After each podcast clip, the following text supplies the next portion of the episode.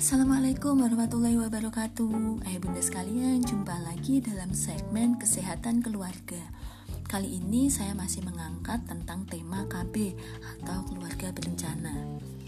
Fenomena yang ada dalam memberikan pelayanan ber-KB Ada saja orang-orang yang masih menawar dalam mendapatkan pelayanan ber-KB Atau bahasanya tidak patuh akan jadwal kunjungan ber-KB ada yang telah datang ber-KB karena lupa. Ada juga yang ber-KB menurut pertimbangannya sendiri. Misal, karena suaminya kerja di luar kota, hanya pulang satu minggu, satu bulan, atau bahkan tiga bulan sekali. Jadi, para ibu-ibu ini hanya datang untuk mendapatkan KB saat suaminya mau pulang.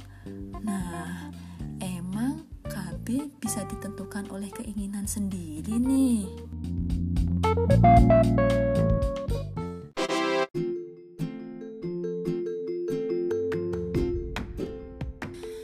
Jadi ayah bunda sebagaimana kita juga sekolah atau memasukkan anak kita ke sekolah Pastinya ada aturan dalam sekolahan tersebut. Begitu juga dalam kita mengikuti program KB atau keluarga berencana.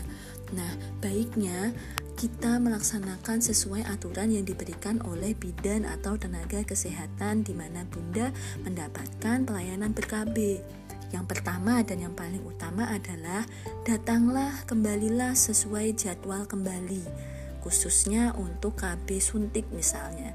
Jika memang tertulis untuk tanggal kembali 3 Mei 2020, usahakanlah untuk bisa datang sesuai jadwal. Kemudian untuk ber-KB pil misalnya, aturan yang penting adalah konsumsi KB pil di waktu dan jam yang sama setiap hari. Nah, itu dimaksudkan untuk efektivitas penggunaan KB. Kemudian, bagaimana dengan KB jangka panjang? Misalnya implan yang masanya 3 tahun atau spiral yang masanya 5 tahun atau 8 tahun, tetaplah simpan kartu KB Anda dan kembalilah sesuai jadwal yang dianjurkan untuk kontrol ataupun untuk ganti alat kontrasepsi yang baru jika masanya sudah habis. Nah, lalu Bagaimana dengan alasan bahwa KB-nya tidak dipakai setiap hari, hanya saat suaminya datang? Nah, hal ini tidak dibenarkan untuk menggunakan KB sebagaimana yang Bunda maksudkan, karena KB bukanlah alat yang instan. KB bisa bekerja dengan efektif, tentu saja dengan penggunaan teratur dan konsisten.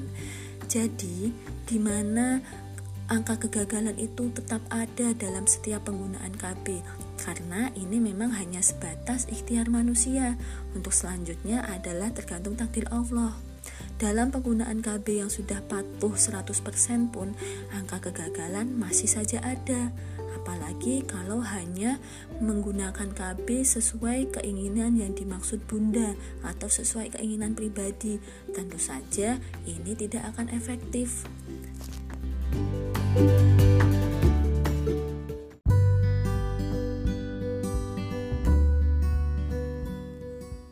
jadi ayah bunda sekalian, demi kebaikan bersama, di mana ayah bunda sekalian juga mempunyai niat dan maksud tujuan dalam mengikuti program KB untuk keberhasilan mengatur jarak anak dan juga tenaga kesehatan pun punya tujuan untuk memberikan pelayanan yang paripurna, maka marilah kita ikuti aturan yang ada, bukan mengikuti KB hanya karena kemauan sendiri. Insya Allah ini untuk kebaikan semuanya. Oke, semoga segmen kali ini bermanfaat. Akhirul kalam, wabillahi taufiq walhidayah. Wassalamualaikum warahmatullahi wabarakatuh.